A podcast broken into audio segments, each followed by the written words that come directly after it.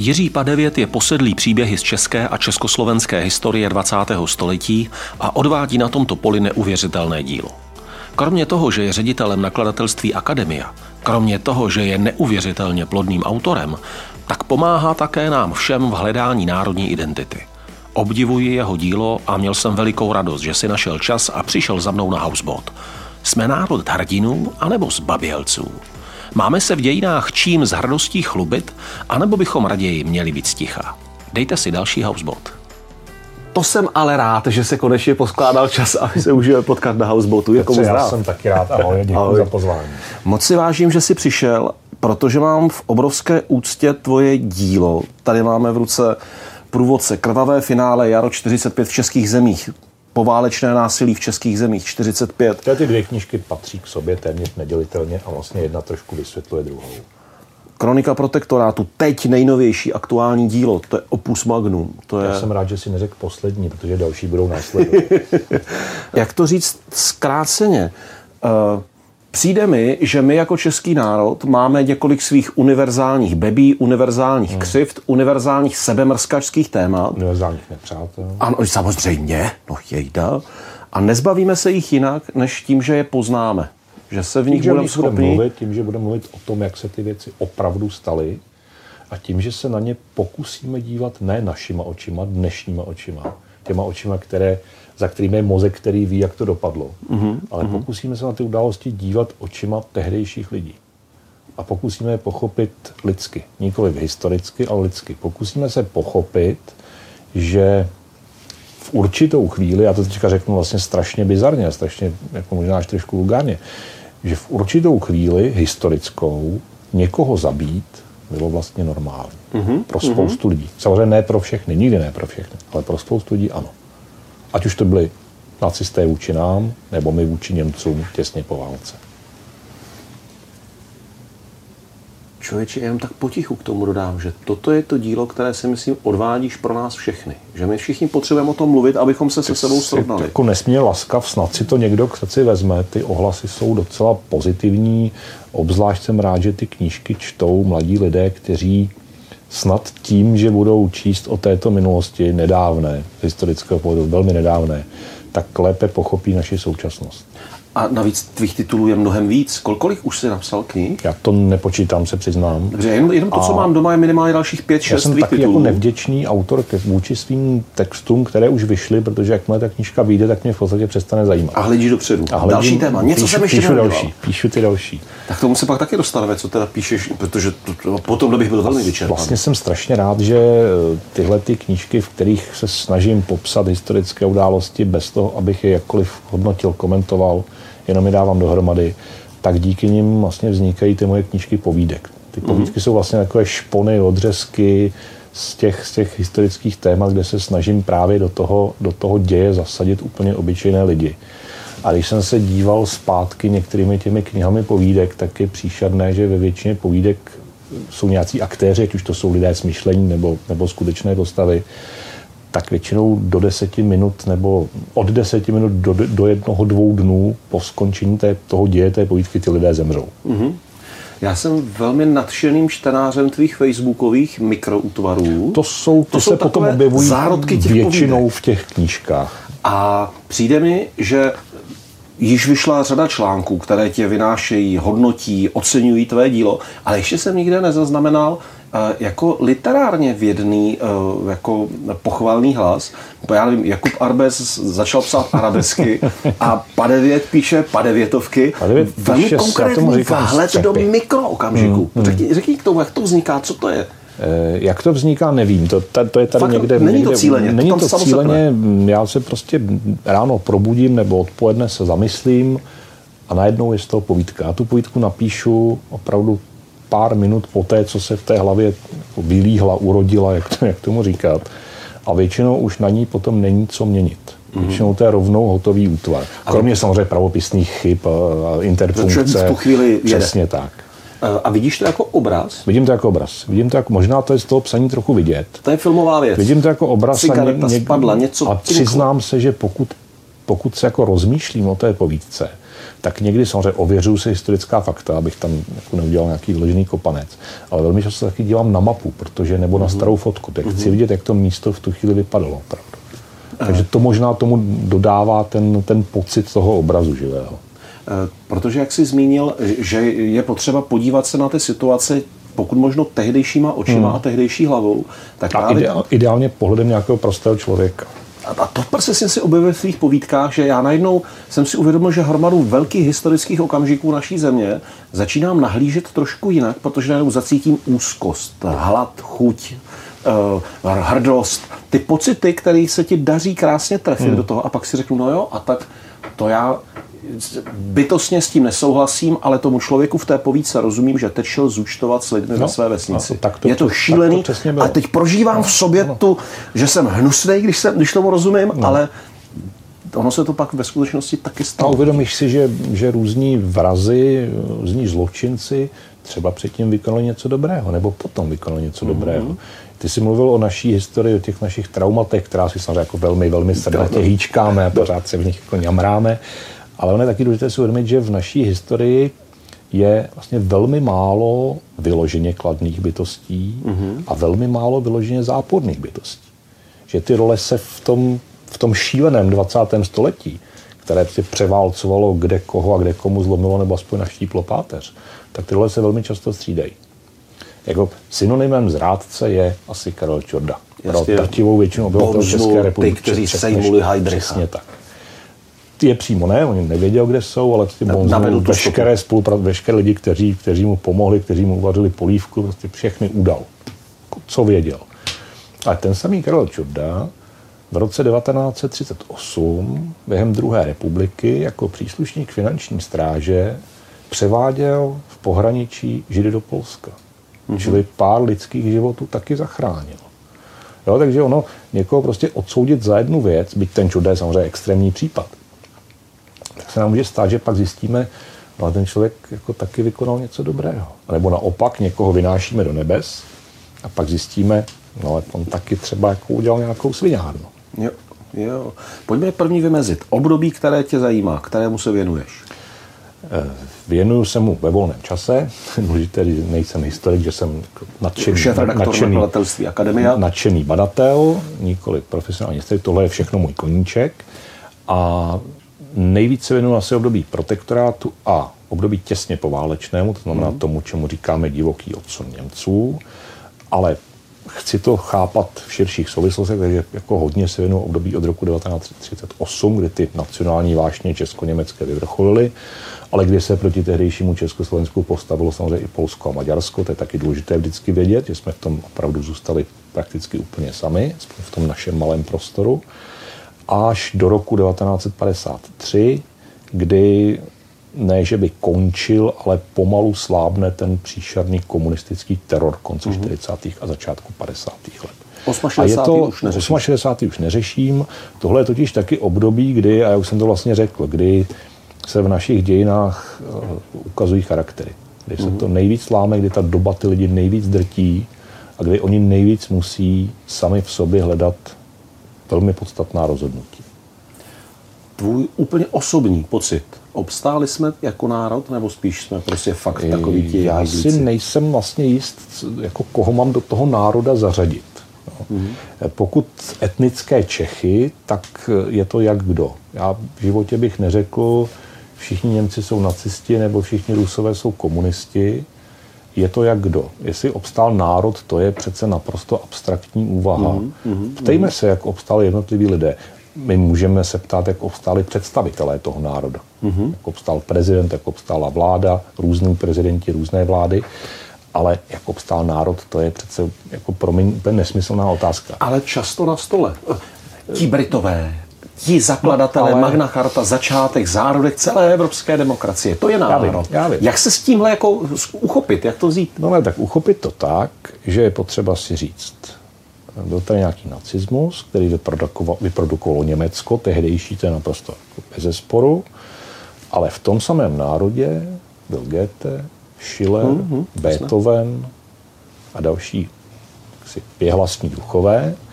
A pak tady máme Čechy nebo tehdejší Československo a v tom národě byl Karel Čapek, Vladislav Vančura, ale pak taky třeba Karol Pazur, vrah ze švédských šancí, již zmíněný Čurda, Emanuel Moravec mm-hmm. a mhm. další. Mm-hmm. A zase, ti, které se jmenoval, snad kromě toho Karla Pazura, ani ten Moravec není černobílý.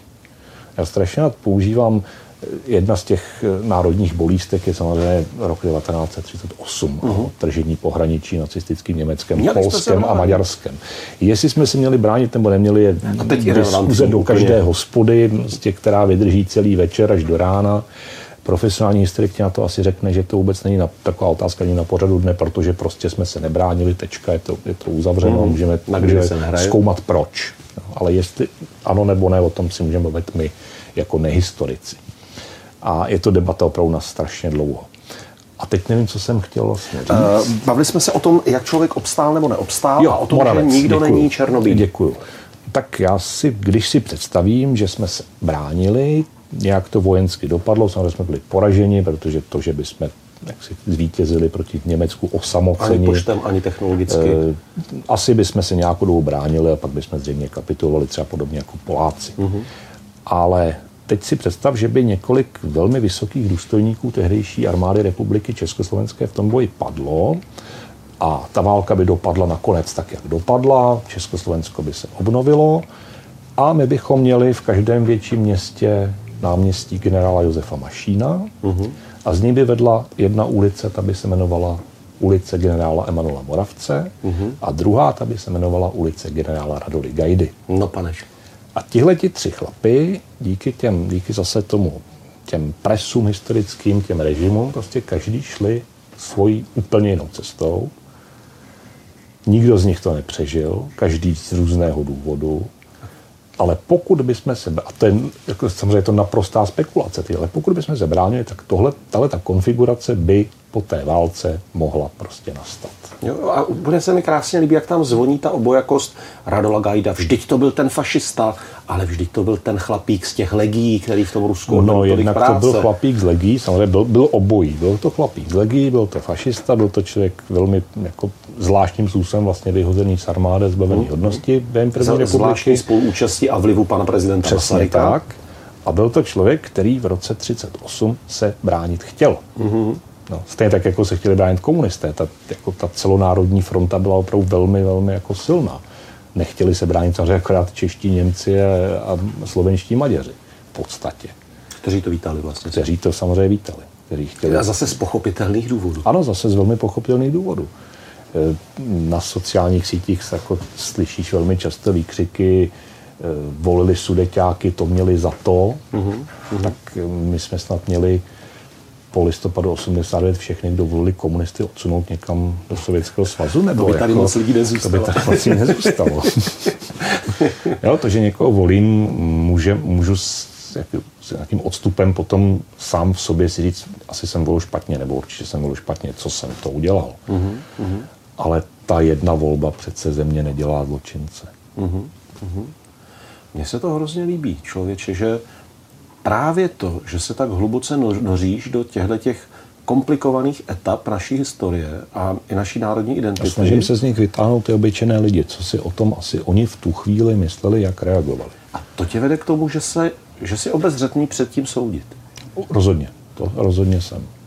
Byť samozřejmě najdeme, najdeme i v našich dějinách naprosto krystalické vyložené parchanty, jako není jich moc, ale jsou. je to nefér Ptát kdo? No, že bys nějakýho jednoho parchanta tak poslal. Dobře, tak řeknem, řeknem to, kdo já si myslím. Ano, no, tak ano. já si třeba myslím, že jako naprosto jedinečným parchantem byl Klement Gottwald. Mm-hmm. Navíc velice schopný politik, minimálně v první části se kariéry. Politik, teda. který vyhrožoval ostatním politikům, že se jezdí do Moskvy naučit, jak jim zakroutit krkem, což, což, potom, což potom udělal. A pak mám takového svého velmi oblíbeného parchanta a to je muž, který se jmenoval Jaroslav Nachtman, uh-huh.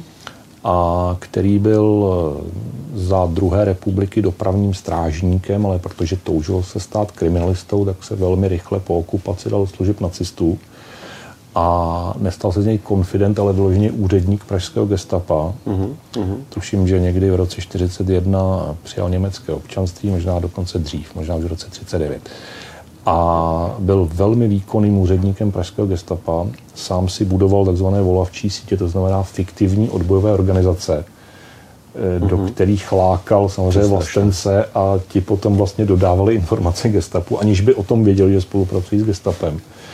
A tenhle ten člověk eh, si na konci války založil poslední fiktivní organizaci, aby to jako vypadlo, že byl odbojář. Naštěstí byl zatčen, četníky, uvězněn v Pečkové paláci, tam, kde předtím úřadoval. On byl i amatérský boxer, takže to využíval při těch výsleších českých vlastenců. A, ale ještě v květnu 45 si ho odvezli s dalšími významnými pražskými gestapáky Rusové do Moskvy, kde ho vyslýchali. Vyslýchalo jenom za činnost vůči sovětským výsadkům do protektorátu a dostal 10 let v Gulagu. To si v podstatě odseděl, v tom Gulagu se stal byl, on byl vyučený zubní technik. V tom Gulagu se stal zubařem, od KGB dostal falešný lékařský diplom z německé Karlovy univerzity, jakože za protektorátu vystudoval medicínu, teda zubní mm-hmm. lékař. A žil, potom žil v tom Sovětském svazu, ale v roce 63 se o něj začalo zajímat Československo a Rusové ho ku podivu vrátili. Mm-hmm. A Nachtman tady měl proces, kterému bylo prokázáno zaviněné úmrtí 300 lidí, okolo 300, které dostal do koncentráku. A nakonec to dopadlo tak, že mu byl započítán ten gulag, mm-hmm. že ho velmi rychle vlastně pustili, stal se konfidentem státní bezpečnosti.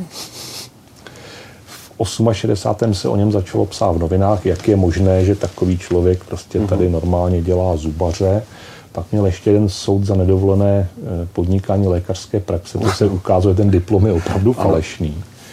No, ale už on nikdy, on pak vyžá, požádal o vycestování do Spolkové republiky Německo tehdejší, což mu asi na čtvrtý pokus bylo povoleno, protože najednou přišel na pasové oddělení s úplně novým západněmeckým pasem, čili zřejmě bývalí kolegové z gestapa se asi trošku postarali. Mm-hmm. A tenhle ten pán, který prostě opravdu byl za toho protektorátu, on byl teda mimořádně vtipný, inteligentní, výborný společník, zval k sobě do bytu, mimochodem do bytu zabaveného Adolfu Hofmeisterovi, který utekl před nacisty. No. Zval tam herce, vysoké nacisty, herečky, zpěváky, takže byl jako i velmi populární v pražské společnosti. No, tak zemřel v roce 1995 v Německu jako spokojený důchodce. Tak to je jeden z mých oblíbených parkantů. To je, jo, jo, to, to beru. To je, to, je, to, je, to je silný kafe. Tušíš, kolik takových osudů si zmapoval? Vůbec jako řádově stovky? Desítky, netuším, vůbec netuším. Víc? Těch men možná stačí se, když, přesně, když to jenom projdu, to, to je... Ale eh, rozhodně to nepočítám, nedělám si žádnou statistiku, ani si nemám, kolik jsem popsal míst v těch průvodcích jak říkám, mě ty knížky vlastně po té, co je dodělám, přestanou zajímat.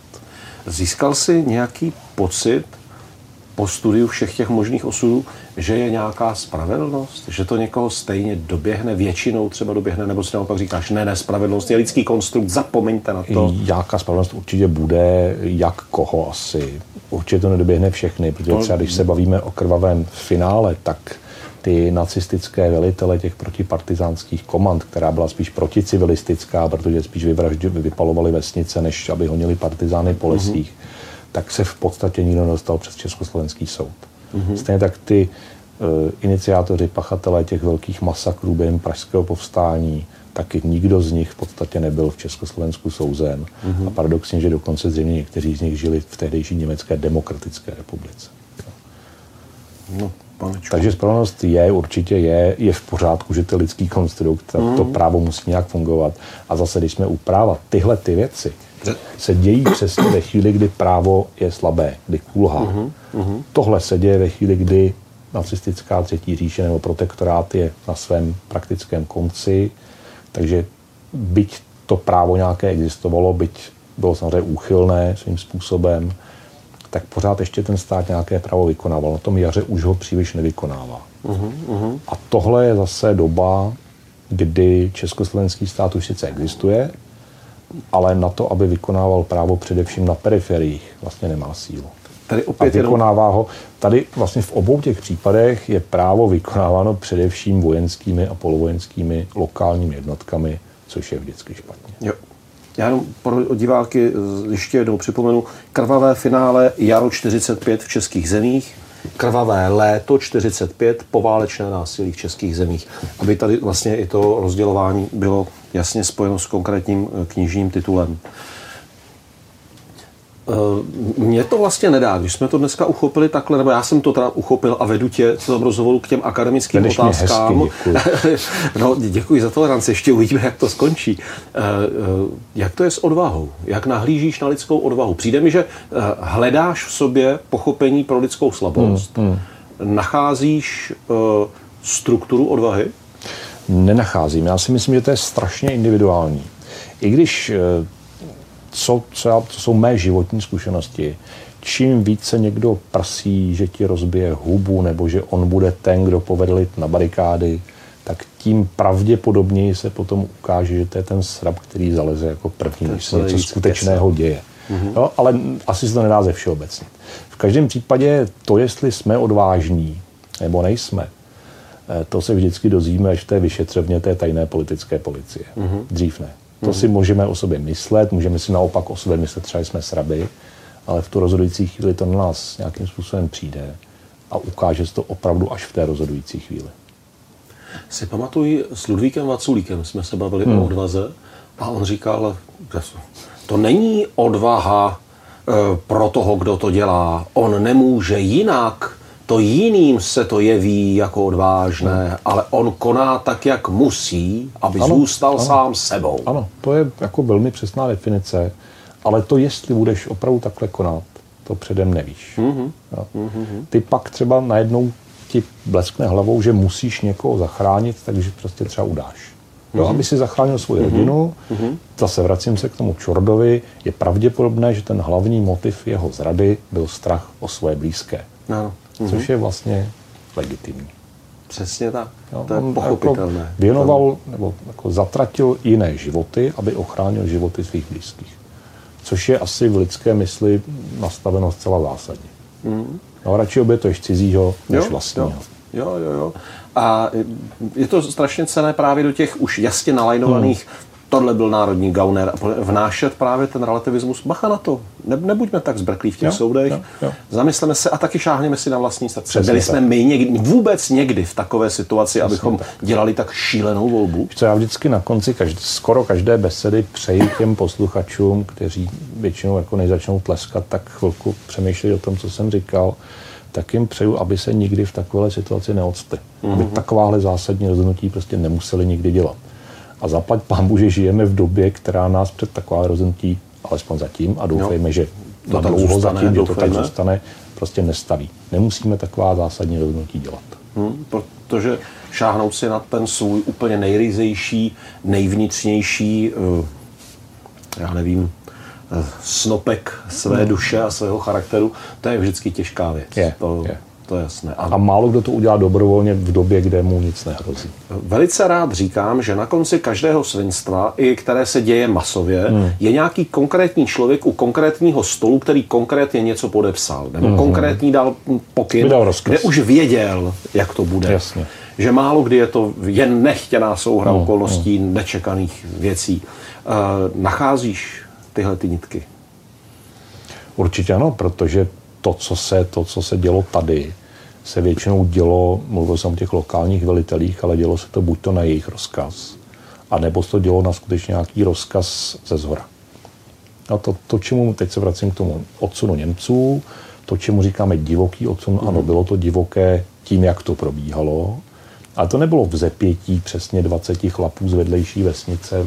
Ve vedlejší vesnici jsou Němci, jdeme na ně. Mm-hmm. Těsně po válce. Tak to ne, ano, byly takové případy, ale vlastně velmi zřídké. Ale ty, ty největší masakry Němců poválečné, Postoloprty, švédské šance u Přerova a další místa, to jsou všechno buď to jednotky vojenské, mm-hmm. nebo jednotky v tu dobu už pod vojenské vedení či pod vedení ministerstva vnitra spadají. To znamená, že k tomu někdo musel vydat rozkaz, ale bavíme se o době, kdy se rozkazy velmi zhusta vydávaly ústně nebo po telefonu. Mm-hmm. Takže to, jestli někdo, minister obrany, minister vnitra, nařídil nějaký masakr, přímo on, už se asi nedozvíme. Ale ten pocit, že to bylo, že teda obyčejní lidi vzali do rukou právo a začali zabíjet svoje sousedy a že toto bylo v masovém měřítku, tak ten pocit je lichý. Ten je lichý, ten je naprosto lichý. Eh, já si myslím, že pokud dojde k takhle významnému historickému zlomu, tak zase, aby jsme si neříkali, že my jenom my jsme prostě zlí na Němce, to je taky nesmysl samozřejmě. Tak to, to velmi krátké, ale velmi intenzivní a brutální násilí se objevuje skoro po každé. Mm-hmm. Měli jsme štěstí v roce 89, že se neprojevilo, v Rumunsku tomu bylo no. jinak. No. A tohle násilí je, je davové a nikdo ho většinou, řídí ho nějaká ta jedna hlava z toho davu. No, takové to upalování na lucernách a ty, ty, mhm. ty linče veřejné. Ale tohle násilí trvá velmi krátce, protože ani ten stát, který vyhrál, nestojí o chaos a anarchii. Mm-hmm. Tam stojí prostě o to, aby se ten stát nějakým způsobem budoval. A zakládá proto samozřejmě nebo obnovuje bezpečnostní sbory. A to, co se dělo později, to znamená opravdu ty, ty velké události, ty velké masakry, a teď zase se vrátím třeba do Orlických hor, Králíky, Lanškroun, tam byly jako dvě, takzvané partizánské soudy. A to byli příslušníci partizánské brigády Václavík, která mm. ale v tu chvíli už spadala pod armádní velení. Mm-hmm, mm-hmm. Takže vlastně ano. vojáci, kteří dostali rozkaz k tomu. Ano. Museli ho od někoho dostat. No. A to samé samozřejmě nacisté, vyhlazovací mašinerie holokaustu, které skončily bohužel i čeští a moravští židé, tak nebyla rozhodnutím toho velitele toho koncentračního tábora. Byla rozhodnutím Eichmana nebo Hitlera. Mm-hmm. A zase Hitler vydával ty rozkazy nebo, nebo nechal je dělat tu špinavou práci vydával v podstatě ústně. Eichmann už ne, tam už jsou ty rozkazy psané.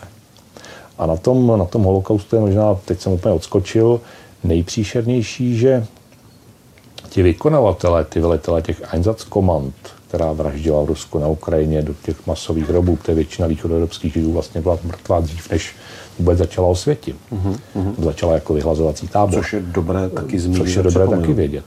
A, tak byli v drtivé většině to byli mladí vzdělaní muži. Ne žádné jako mlátičky bez ducha.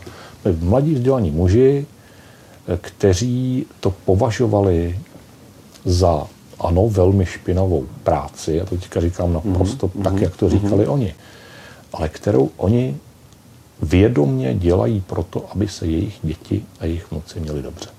Yeah. No, čili z toho pohledu těch, těchto nacistů, těchto německých důstojníků, oni dělali něco záslužného pro lidstvo. je... Jako je to úchylné, ale v té době to tak bylo vnímáno.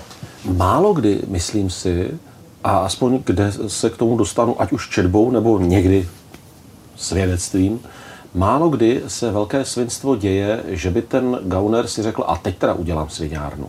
Většinou je v pozadí mentální model, který mu říká, ale vždyť já to dělám dobře. Hmm. Co byste, co byste po mně ještě chtěli? Dokonce já to dělám dobře, ale pro blaho celku. No, to Nikoliv pro sebe, ještě mi pro vás děkuju. všechny ostatní. Ještě, ano, ještě dostanou vyznamenání. Eh, další téma. Určitě se k tomu dostáváš. Často se říkalo, no jo, počkejte, když byl protektorát, co Čech, to udavač. To je velmi častá otázka na besedách. Eh, vzhledem k tomu, že většina, no, část archivu, hlavně pražského gestapa na konci války Němci sami zapálili a, mm, a schořela, mm tak eh, statistiku nemáme. Ale já jsem pevně přesvědčen o tom, že v protektorátu se udávalo úplně stejně jako v okupované Francii, v okupovaném Holandsku, v okupované Belgii, čili nejsme ani horší, ani lepší než jiné národy. A ty si narazil na naši typickou vlastnost. Mm-hmm. My jsme buď to nejlepší, nikdy jsme nikomu nic neudělali, jsme holubičí povahy, kde si co si a lidumilové a srdce Evropy, a nebo jsme zase nejhorší. Všichni jsme ty Němce mlátili, všichni jsme dělali tyhle ty sviňárny, ale ani jedno není samozřejmě pravda. Mm-hmm. Mm.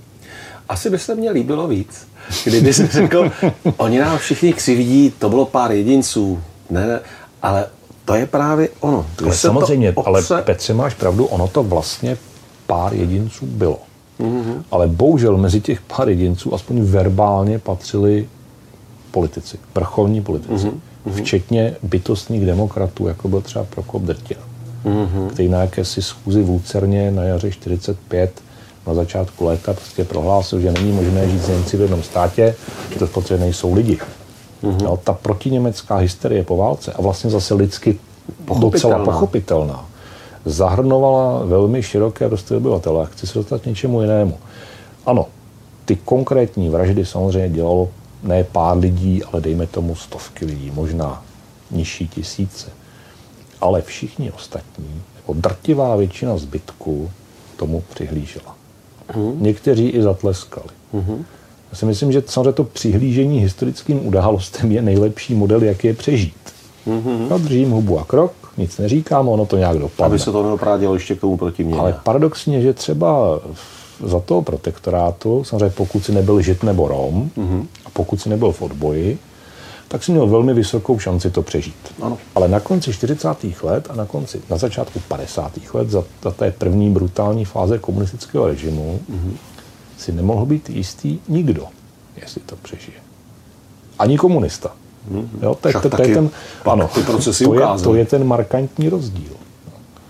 Protože před komunismem tě neochránila ani lojalita. Před nacismem nebo před ano. protektorátem jako vlastně ano. Mm-hmm. Nebo aspoň předstíraná lojalita. Před tím brutálním komunismem, před tím, co sem přišlo ze Sovětského svazu, před tím jako kombinací Marxova učení a byzantských vládců tě neuchránilo vůbec nic. Hmm. A je to i drobný rozdíl mezi ksi, praktikami gestapa a státní bezpečnosti, protože ty fyzické metody, samozřejmě psychické, byly úplně stejné. Měly, možná ta státní bezpečnost byla ještě vynalézavější v některých ohledech. Oni zkrátka pokračovali v know které získali přesně za války. Přesně tak. To tak reálně Přes, je. Přesně hmm. tak.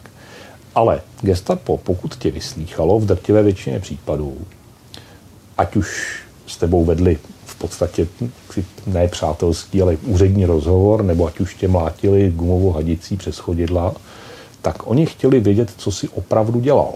Mm-hmm. Jestli jsi opravdu odbojář, nebo jako na koho máš tedy ty kontakty a jmenuj ty lidi a řekni všechno, co víš o tom, co si opravdu dělal. Ale pokud se člověk dostal do soukolí státní bezpečnosti, tak ta po něm chtěla, aby se přiznal k něčemu, co vůbec neudělal. Mm-hmm. A my vlastně do dneška nevíme, jestli některé ty plánované převraty nebo protikomunistická povstání, která byla skutečně plánována, jestli to ti lidé skutečně chystali, nebo jestli to byl od začátku konstrukt státní bezpečnosti, jestli to byly ty Nachtmanovy volavčí sítě, no. které samozřejmě STV taky používala. A asi se to už nikdy nedozvíme. To je většina těch aktérů je samozřejmě mrtvá, nebo byla mrtvá už během toho vyšetřování. Člověče, tohle srovnání, takhle hmm. jako... Explicitně Děkuji. Prosím, rád to je, se stalo. To je výborná věc. To je výborné. Jo, čili já vlastně tím chci říct, že to budování komunismu u nás, jakkoliv zase chápu touhu lidí po nějaké sociální spravedlnosti a rovnosti, mm-hmm. tak to, co tady bylo po únoru 48, nebyl žádný komunismus. A dokonce to ani neodpovídalo tomu, co měl Gottwald v budovatelském programu svojí vlády a co mm-hmm. slibovali komunisté ve volbách v roce 1946. Mm-hmm. Vůbec ne.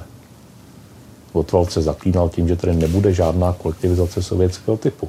A jak to dopadlo? No. Mm-hmm. Smrtí, vyháněním sedláků z jejich statů, kde prostě žili jejich rodiny 6-7 generací na spát. No, a sami se pak nechávali no. najímat jako děvečky a národníci, aby aspoň ten dobytek No nebo dělali jako dělníci na stavbách nebo stavili přehrady. No, no to je úžasné, jak ty, to časové, ta časová oblast, které se věnuješ, tohleto srovnání explicitně hmm. nabízí a to je nesmírně cené, teda, takhle to jako vidět.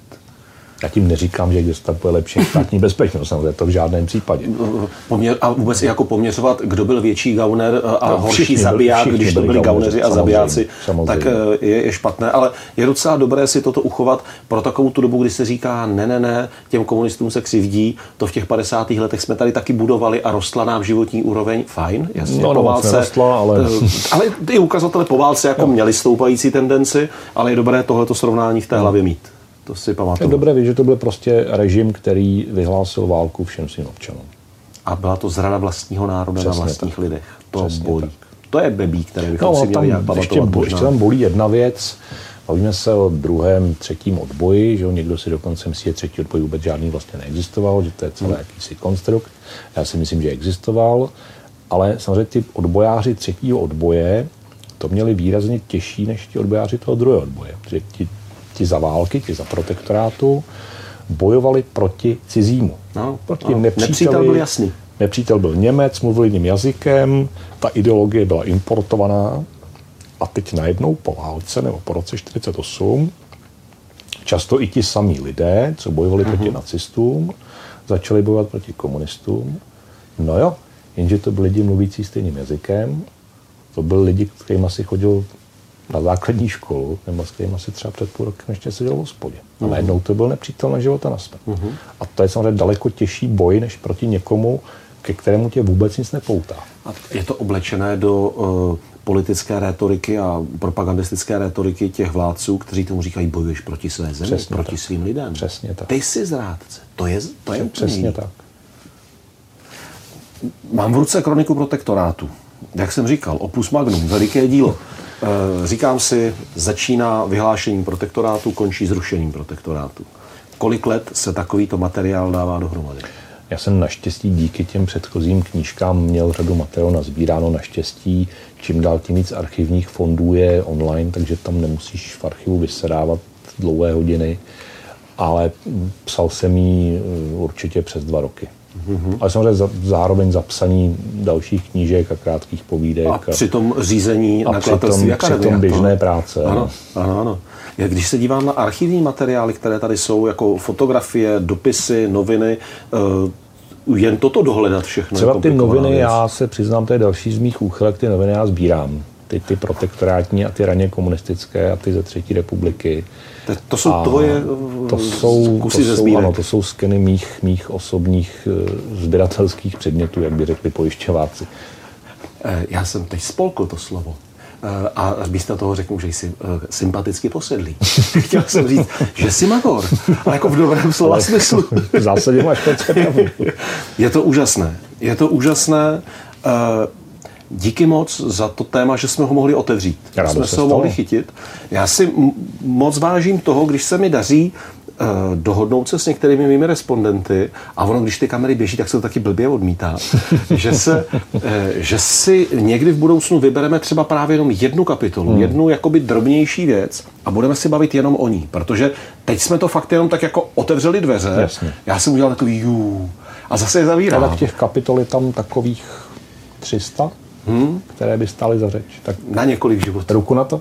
No moc rád. Děkuju. Děkuju. Buď zdrav.